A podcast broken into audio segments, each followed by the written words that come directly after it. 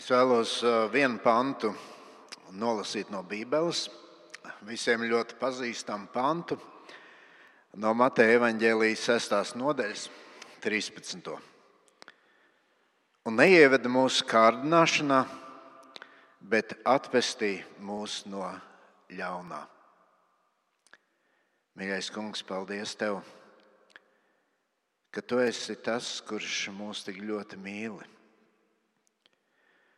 Un katrs tavs vārds, katra tava rīcība,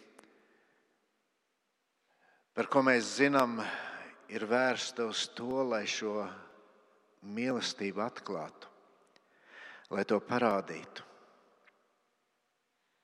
Un paldies, ka tu savā mīlestībā katru no mums satver. Tu tā cieši piespiedzi sev klāt un kaut ko īpašu katram no mums saki. Un palīdz to šodien mums arī saklausīt. Pie tavu vārdu apstājoties. Amen. Lūdzu, sēdieties.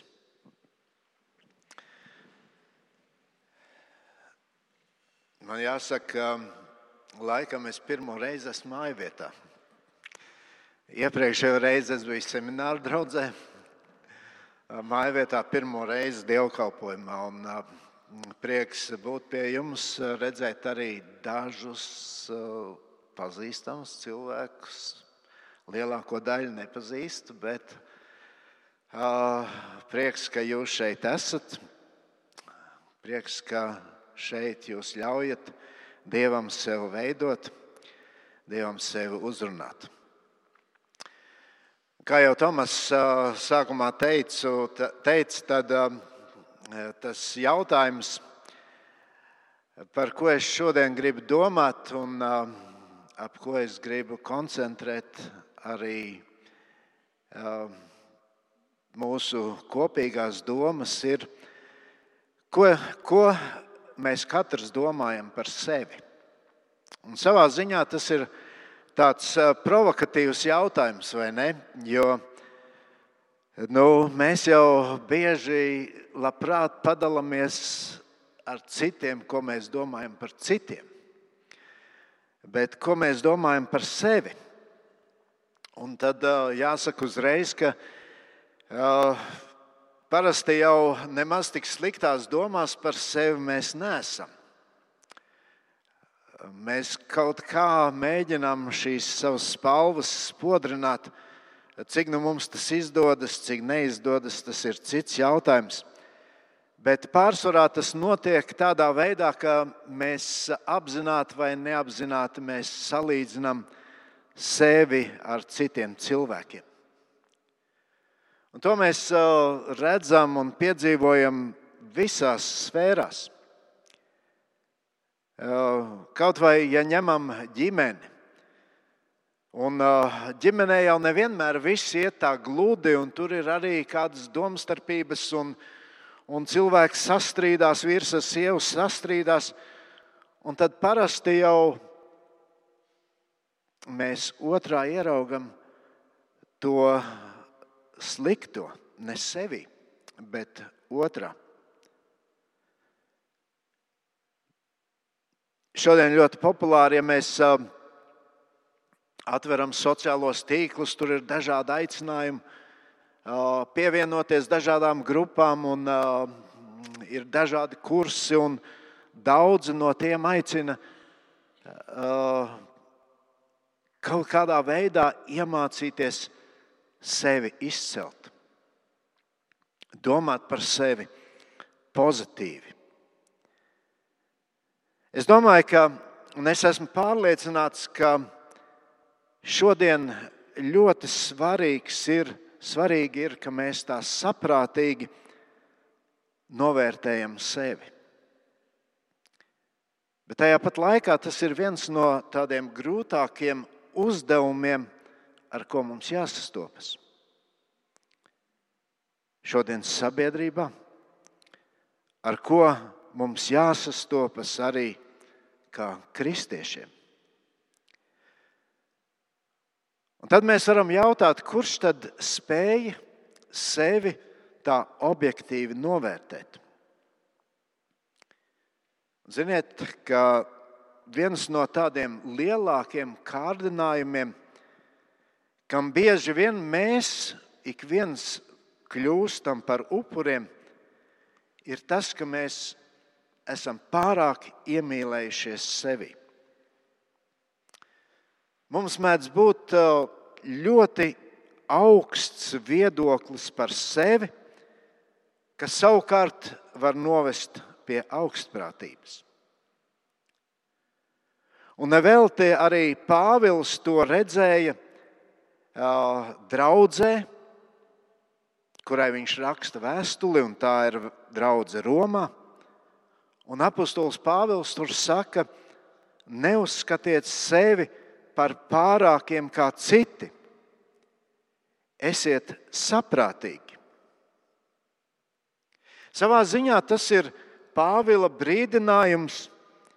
Nēsiet augstprātīgi, nēsiet lepni, sargieties, paaugstināties citu cilvēku priekšā.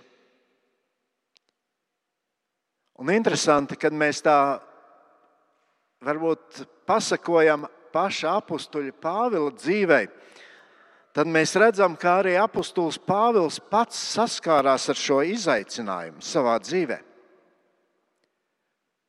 Šis Dieva kalps,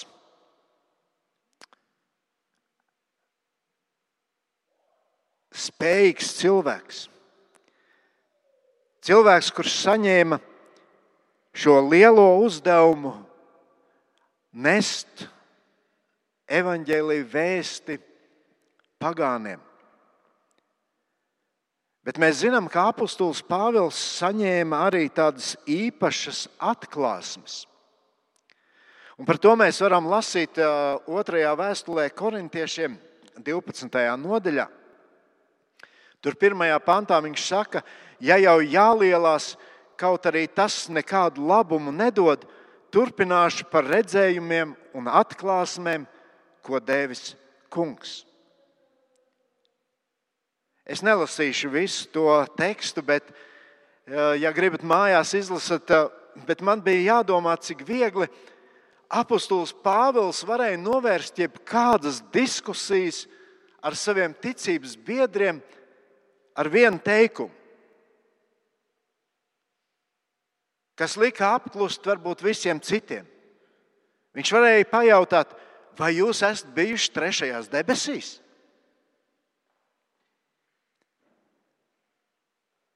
Un tad uzsist varbūt dūri galdā un pateikt, mans viedoklis ir tāds, un jums pie tā ir jāturas. Bet apostols Pāvils to nedarīja. Un ziniet, kāpēc viņš nedarīja? Tāpēc, ka Dievs parādīja arī viņa vājības.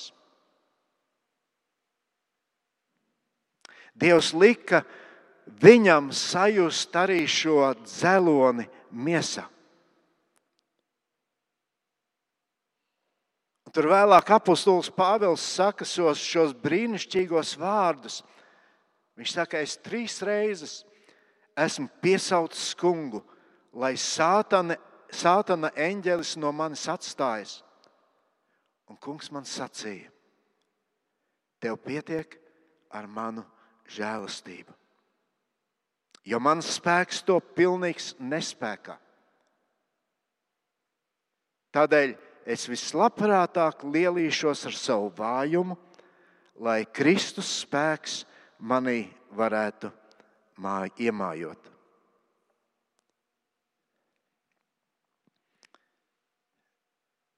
Es atceros vairākas situācijas savā dzīvē, kas varbūt mani ir tā īpaši nolikušas pie vietas, kad es par sevi domāju vairāk nekā es patiesībā biju.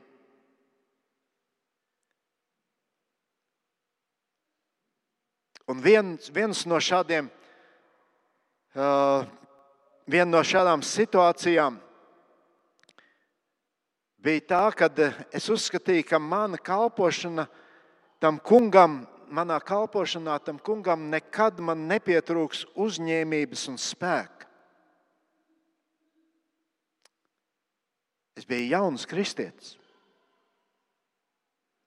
Un lielākai daļai kristieši pēc grēka nožēlas tā pirmā mīlestība deg ar tādu spilgtu liesmu. Un es biju pilnīgi pārliecināts par mīlestību pret to kungu un ka es būšu dedzīgs viņa liecinieks.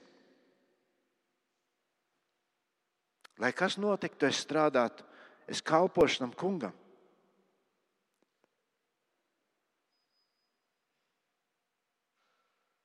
Gāja laiks, un es tā stipri turējos pie tā.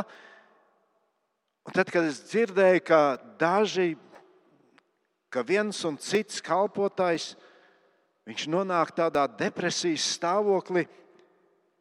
Es biju pārliecināts, ar mani nu nekad tas nenotiks.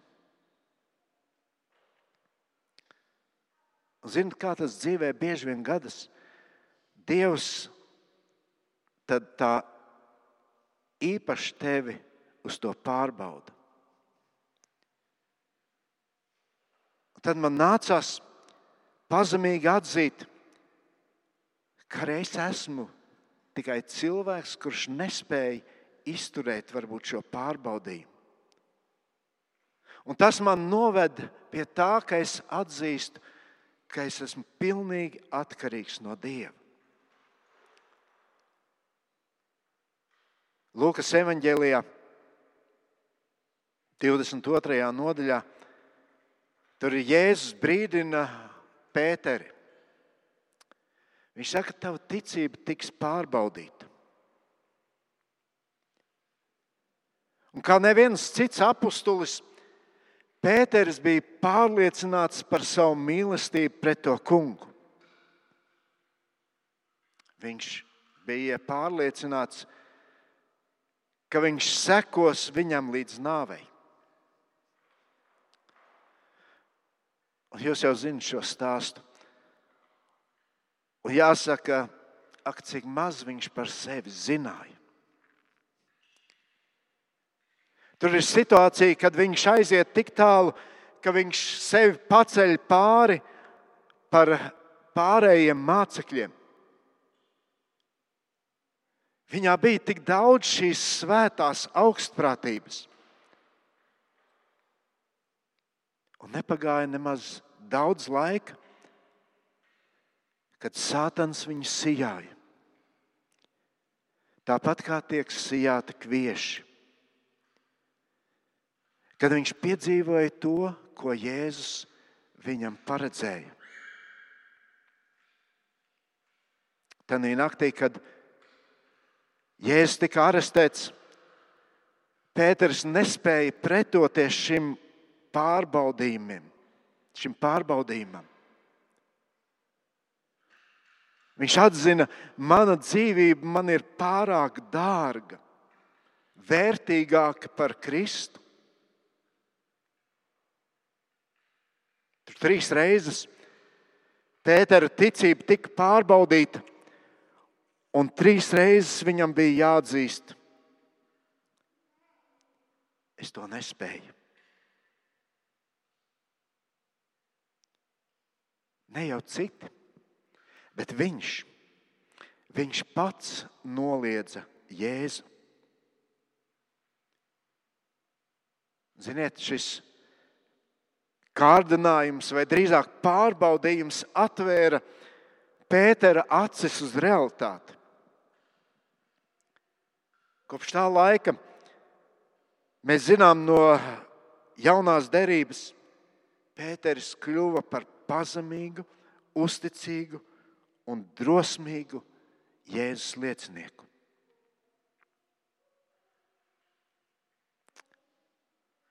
Mums ir nepieciešami šādi testi. Mums ir nepieciešamas šādas situācijas, lai mēs pareizi spētu sevi novērtēt. Lai mēs paši sev spētu atbildēt uz šo jautājumu, ko es patiesi par sevi domāju.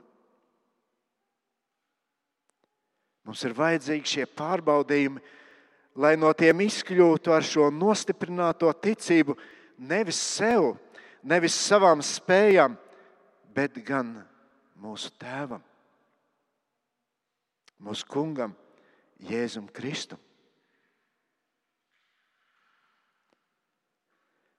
Mēs lasījām šo pantu no lūkšanas mūsu Tēvs debesīs. Mēs mūsu draudzē vismaz vienu reizi mēnesī šo lūgšanu lūdzam visi kopīgi. Lūdzam, lai Dievs neieved mūsu kārdināšanā, bet lai atpestī mūs no ļaunā.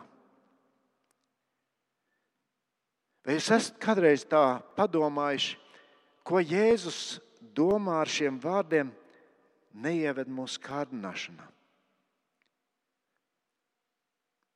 Vai tas nozīmē, ka Dievs vilina savus bērnus grēkot?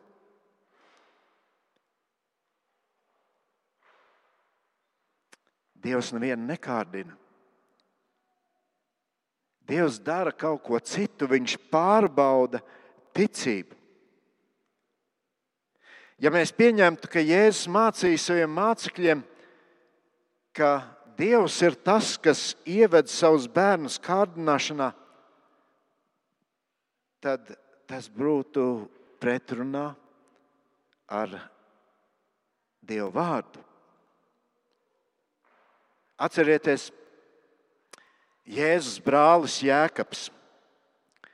Viņš raksta vēstuli jaunai draudzēji kur bija, kur bija sapulcējušies kristieši, kuri bija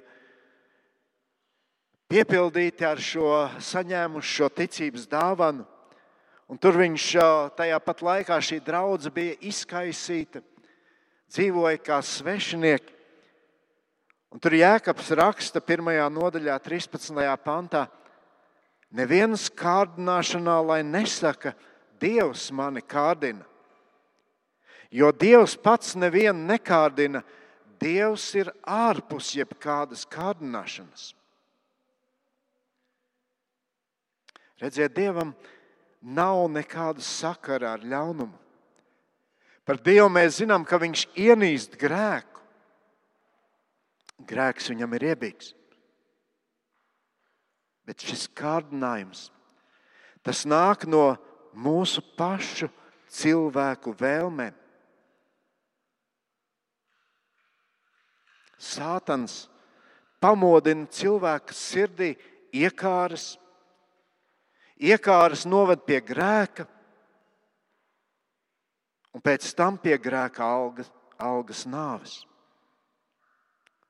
Redziet, Bībele ļoti skaidri noraida šo domu, ka Dievs kaut kādā veidā ir atbildīgs par mūsu kārdinājumiem. Un kad viņš aicina, lūdziet, neieved mūsu kārdināšanā. Jēzus šeit nenorāda uz Dievu kā šo, šī kārdinājuma avotu. Dievs pārbauda mūsu ticību. Un es gribu pieminēt trīs piemērus. Šie, tie visi būs no Bībeles. Vispirms tas ir ījaps.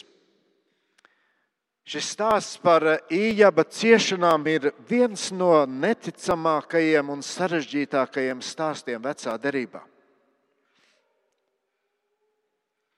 Tur sātans nāk dieva troņa priekšā kā apsūdzētājs un notiek kaut kas ļoti pārsteidzošs. Ja jūs lasītu ījabu grāmatu, tad tur ir interesantas lietas, un mēs redzam, ka ne jau sātans nāk klajā ar ideju apšaubīt ījabu ticību. Tur Dievs ņem inici, iniciatīvu savā rokā. Un tur ir šis teikums, kur Dievs jautā Sātanam, vai tu esi pievērsis uzmanību manam kalpam Ījab, Ījabam.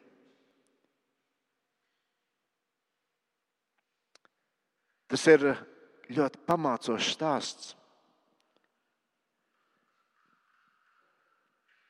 Interesants stāsts. Bet es ļoti vēlos, lai mēs arī šajā stāstā mēs ieraugam vienu ļoti skaidru lietu. Lai kas arī notiktu, debesu Tēvs tur savās rokās vadības grožus.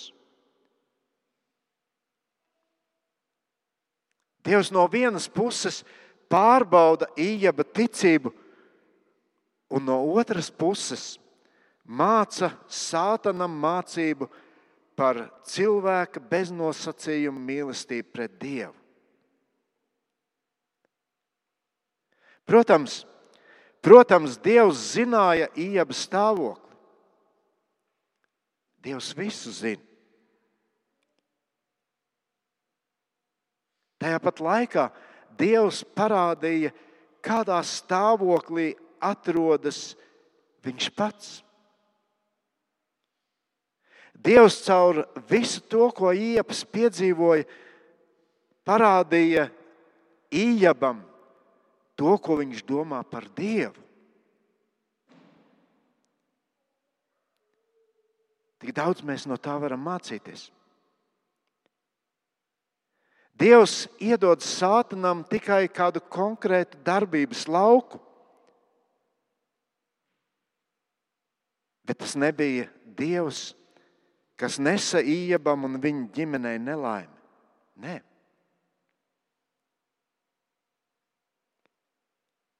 Sātans varēja rīkoties tikai Dieva atļautajās robežās. Jā, Iepas piedzīvoja šo kārdinājumu. Atsakies no ticības. Tas bija kārdinājums, ko Sātans viņam atkal un atkal čukstēja ausī. Redz, Dievs tevi ir aizmirsis. Dievs par tevi nerūpējas. No Dieva perspektīvas tas bija ticības pārbaudījums. To vēl labāk var redzēt nākošajā piemērā, un tas ir Ābrahams. Tas, ko Dievs prasīja no Ābrahama, kurš jau bija vecs, tas zināmā mērā pārspēja visu mūsu izpratni par Dievu. Dievs liek Ābramam upurēt savu dēlu. Dēlu, kuru Dievs pats viņam apsolīja un kurš piedzima. Viņam bija jānogalina dēls ne tikai ar savām rokām, bet viņam bija jānogalina visas savas cerības par viņa pēcnācējiem. Un tomēr mēs lasām pirmajā mūzes grāmatā, 22. nodaļā pēc tam Dievs pārbaudīja Ābrahāmu un viņam teica, Ābrahām, un tas sacīja, es te. Redziet, Dievs jau nekārdināja Ābrahāmu darīt ļaunu. Šī pārbaudījuma mērķis nebija Ābrahamam likt kristu vai grēkot. Bet Dievs caur šo gadījumu gribēja stiprināt Ābrahāma ticību un padziļināt šīs attiecības ar Dievu. Tāds ir Dievs. Sātana, sātans, tuvojieties mums ar šiem kārdinājumiem, tiecas tikai uz vienu - padarīt tevi vājāku. Vai labāk, pilnīgi iznīcināt tavu ticību. Sātana mērķis ir sagraut mūsu attiecības ar Dievu. Dieva mērķis ir pilnīgi pretējs.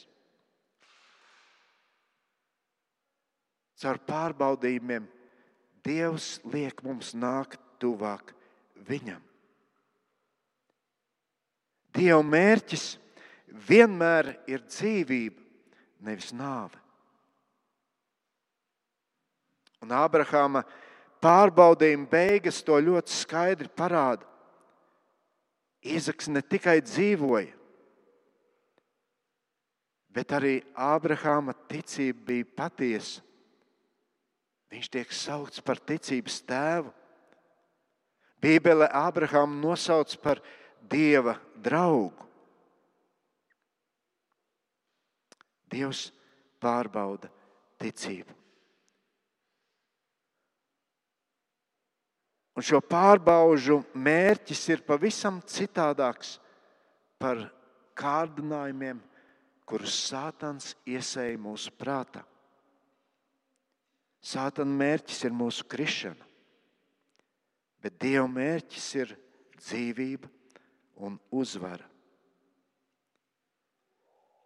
Un tad vēl viens piemērs. Man liekas, visiespaidīgākais. Mēs Mateja evanģēlijā 4.1 lasām, gars aizveda Jēzu tuksnesī, ka viņš tiktu vēlna kārdināts. Dieva gars ved Jēzu tuksnesī, lai viņš tiktu kārdināts.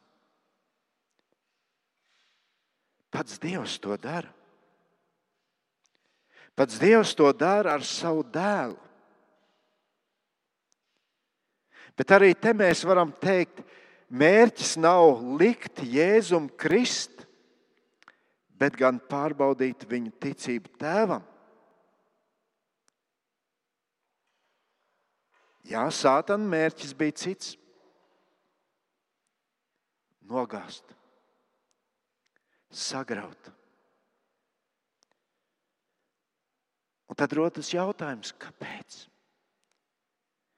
Kāpēc bija jāpārbauda Dieva dēla ticības savam tēvam? Vai tad viņš nav Dievs? Jēzus tika pārbaudīts. Pārbaudīts ar tādām pašām metodēm, kā mēs, mūsu dēļ. Lai mēs varētu dzīvot ticībā.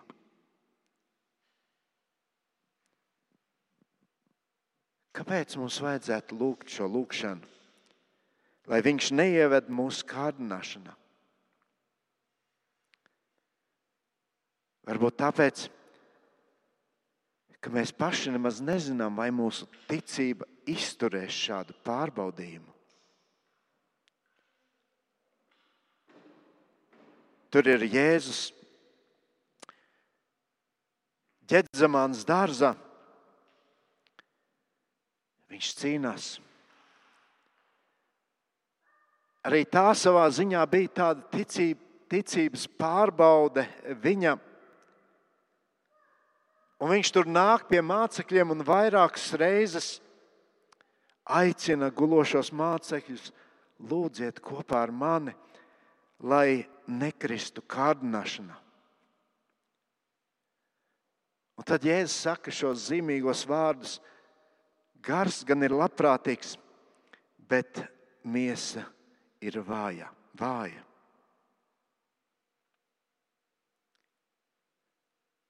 Kārdinājumus piedzīvojam mēs visi. Dievs caur tiem pārbauda mūsu ticību. Šodien, draudzēs, mēs esam aicināti lūgt par vajātiem kristiešiem. Un es diezgan bieži sev jautāju, arī vērojot to, kas notiek pasaulē šodien,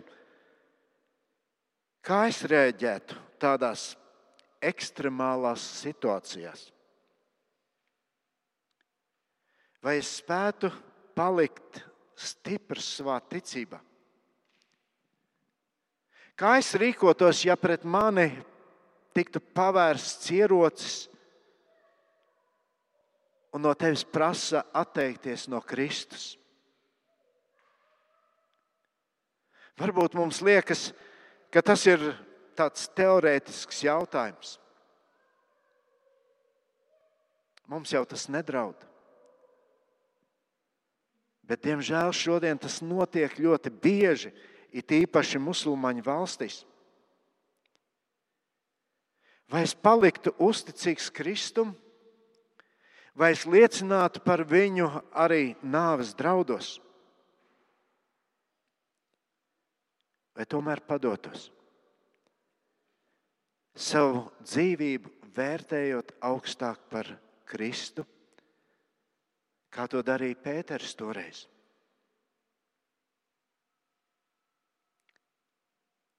Ziniet, man caur šo Jēzus mācīto lūgšanu liekas, ka Jēzus mūs aicina lūgt, lai Dievs mūs neieved šādās situācijās,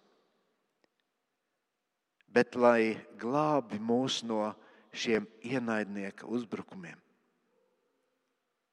Un mēs šodien varam būt pateicīgi Dievam, ka dzīvojam šajā laikā, šajā valstī, kur mūs nevajā ticības dēļ. Tomēr Dievs dažkārt pieļauj mums šos ticības pārbaudījumus, bet tikai ar vienu mērķi, lai mūsu ticība, lai mūsu attiecības ar viņu kļūtu stiprākas un tā varētu augt. Jēzus toreiz brīdināja Pēteri par gaidāmo pārbaudījumu. Viņš teica, Sīmani, Sīmani, redzi, Sātans gribējis jūs sijāt kā kviešus, bet es esmu lūdzis par tevi, lai tava ticība nemitētos. Un kad tu būsi atgriezies, stiprini savus brāļus. Ja Dievs pieļauj mūsu dzīvē pienākt sātanam tik tuvu, tad tas ir tikai tādēļ, lai stiprinātu ticību. Mūsu pašu, mūsu brāļu ticību. Un arī šajā gadījumā mēs redzam, ka Jēzus jau neliedz pārbaudīt Pēteri. Jēzus to pieļauj. Bet tajā pat laikā viņš pats arī apliecina Pētera ticību. Es esmu lūdzis par tevi, lai tava ticība nemitētos.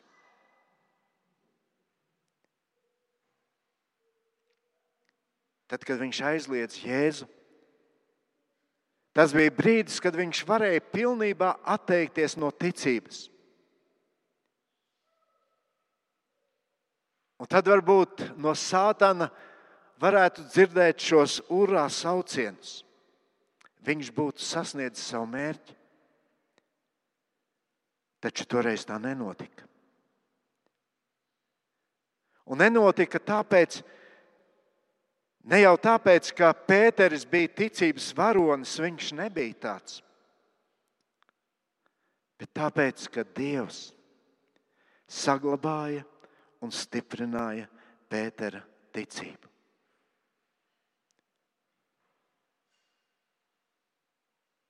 Un tas man sirdī ieliek mieru. Pēdējais vārds vienmēr pieder Dievam.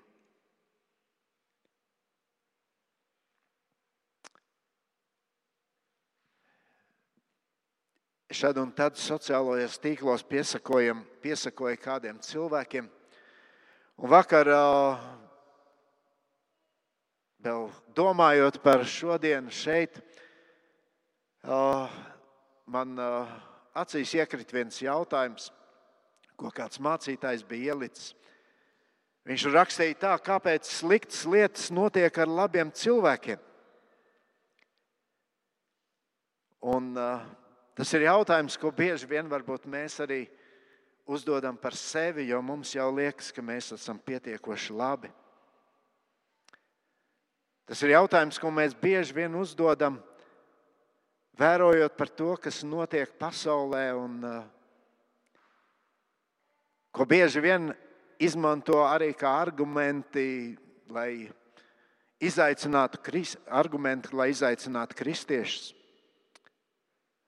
Un šis mācītājs tādu interesantu atbildi dod. Tas notika tikai vienu reizi, un viņš pats brīvprātīgi pieteicās.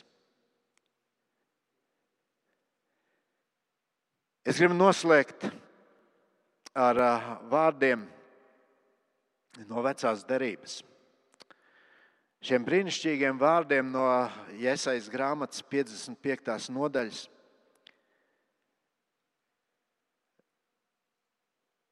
Kad mēs jautājam, ko mums domāt katram par sevi, tad uh, man liekas, ka šie vārdi Iesaistas grāmatā iedod tādu skaistu atbildi. Meklējiet to kungu, kamēr viņš atrodams. Piesauciet viņu, kamēr viņš ir tuvu. Lai ļaundaris pamet savas gaitas un nekrietnais savus nodomus, lai atgriežas pie kunga, tad viņš apžēlos to. Nāciet pie mūsu dieva, viņa piedošana ir plaša. Jo manas domas nav jūsu domas, un jūsu gaitas nav manas gaitas, saka kungs. Cik augstākas debesis par zemi, tik augstākas ir manas gaitas pār jūsu gaitām, un manas domas pār jūsu domām. Jo kā līst lietus un sniegs krīt no debesīm, un tur vairs neatgriežas, bet gan veldzē zemi un uzplaucē to un diedzē, kad sēk, dod sēklu sējējam un maizi ēdējam, tā būs ar manu vārdu, kas iziet no manas mutes un nenāk pie manis nepiepildīts, bet gan dara, ko es esmu gribējis, paveic to, kādēļ es to sūtīju. Priekā jūs iziesiet un mierā tiksiet vadīti. Jūsu priekšā kalniem un pakalniem izlauzīsies gavilis un visi lauka koki sitīs plaukstas. Ērkšķu vietā pacelsies cipreses, un daļu vietā sliesies mirtes. Kungam par slavu, par mūžīgu zīmi, kas nekad nezudīs.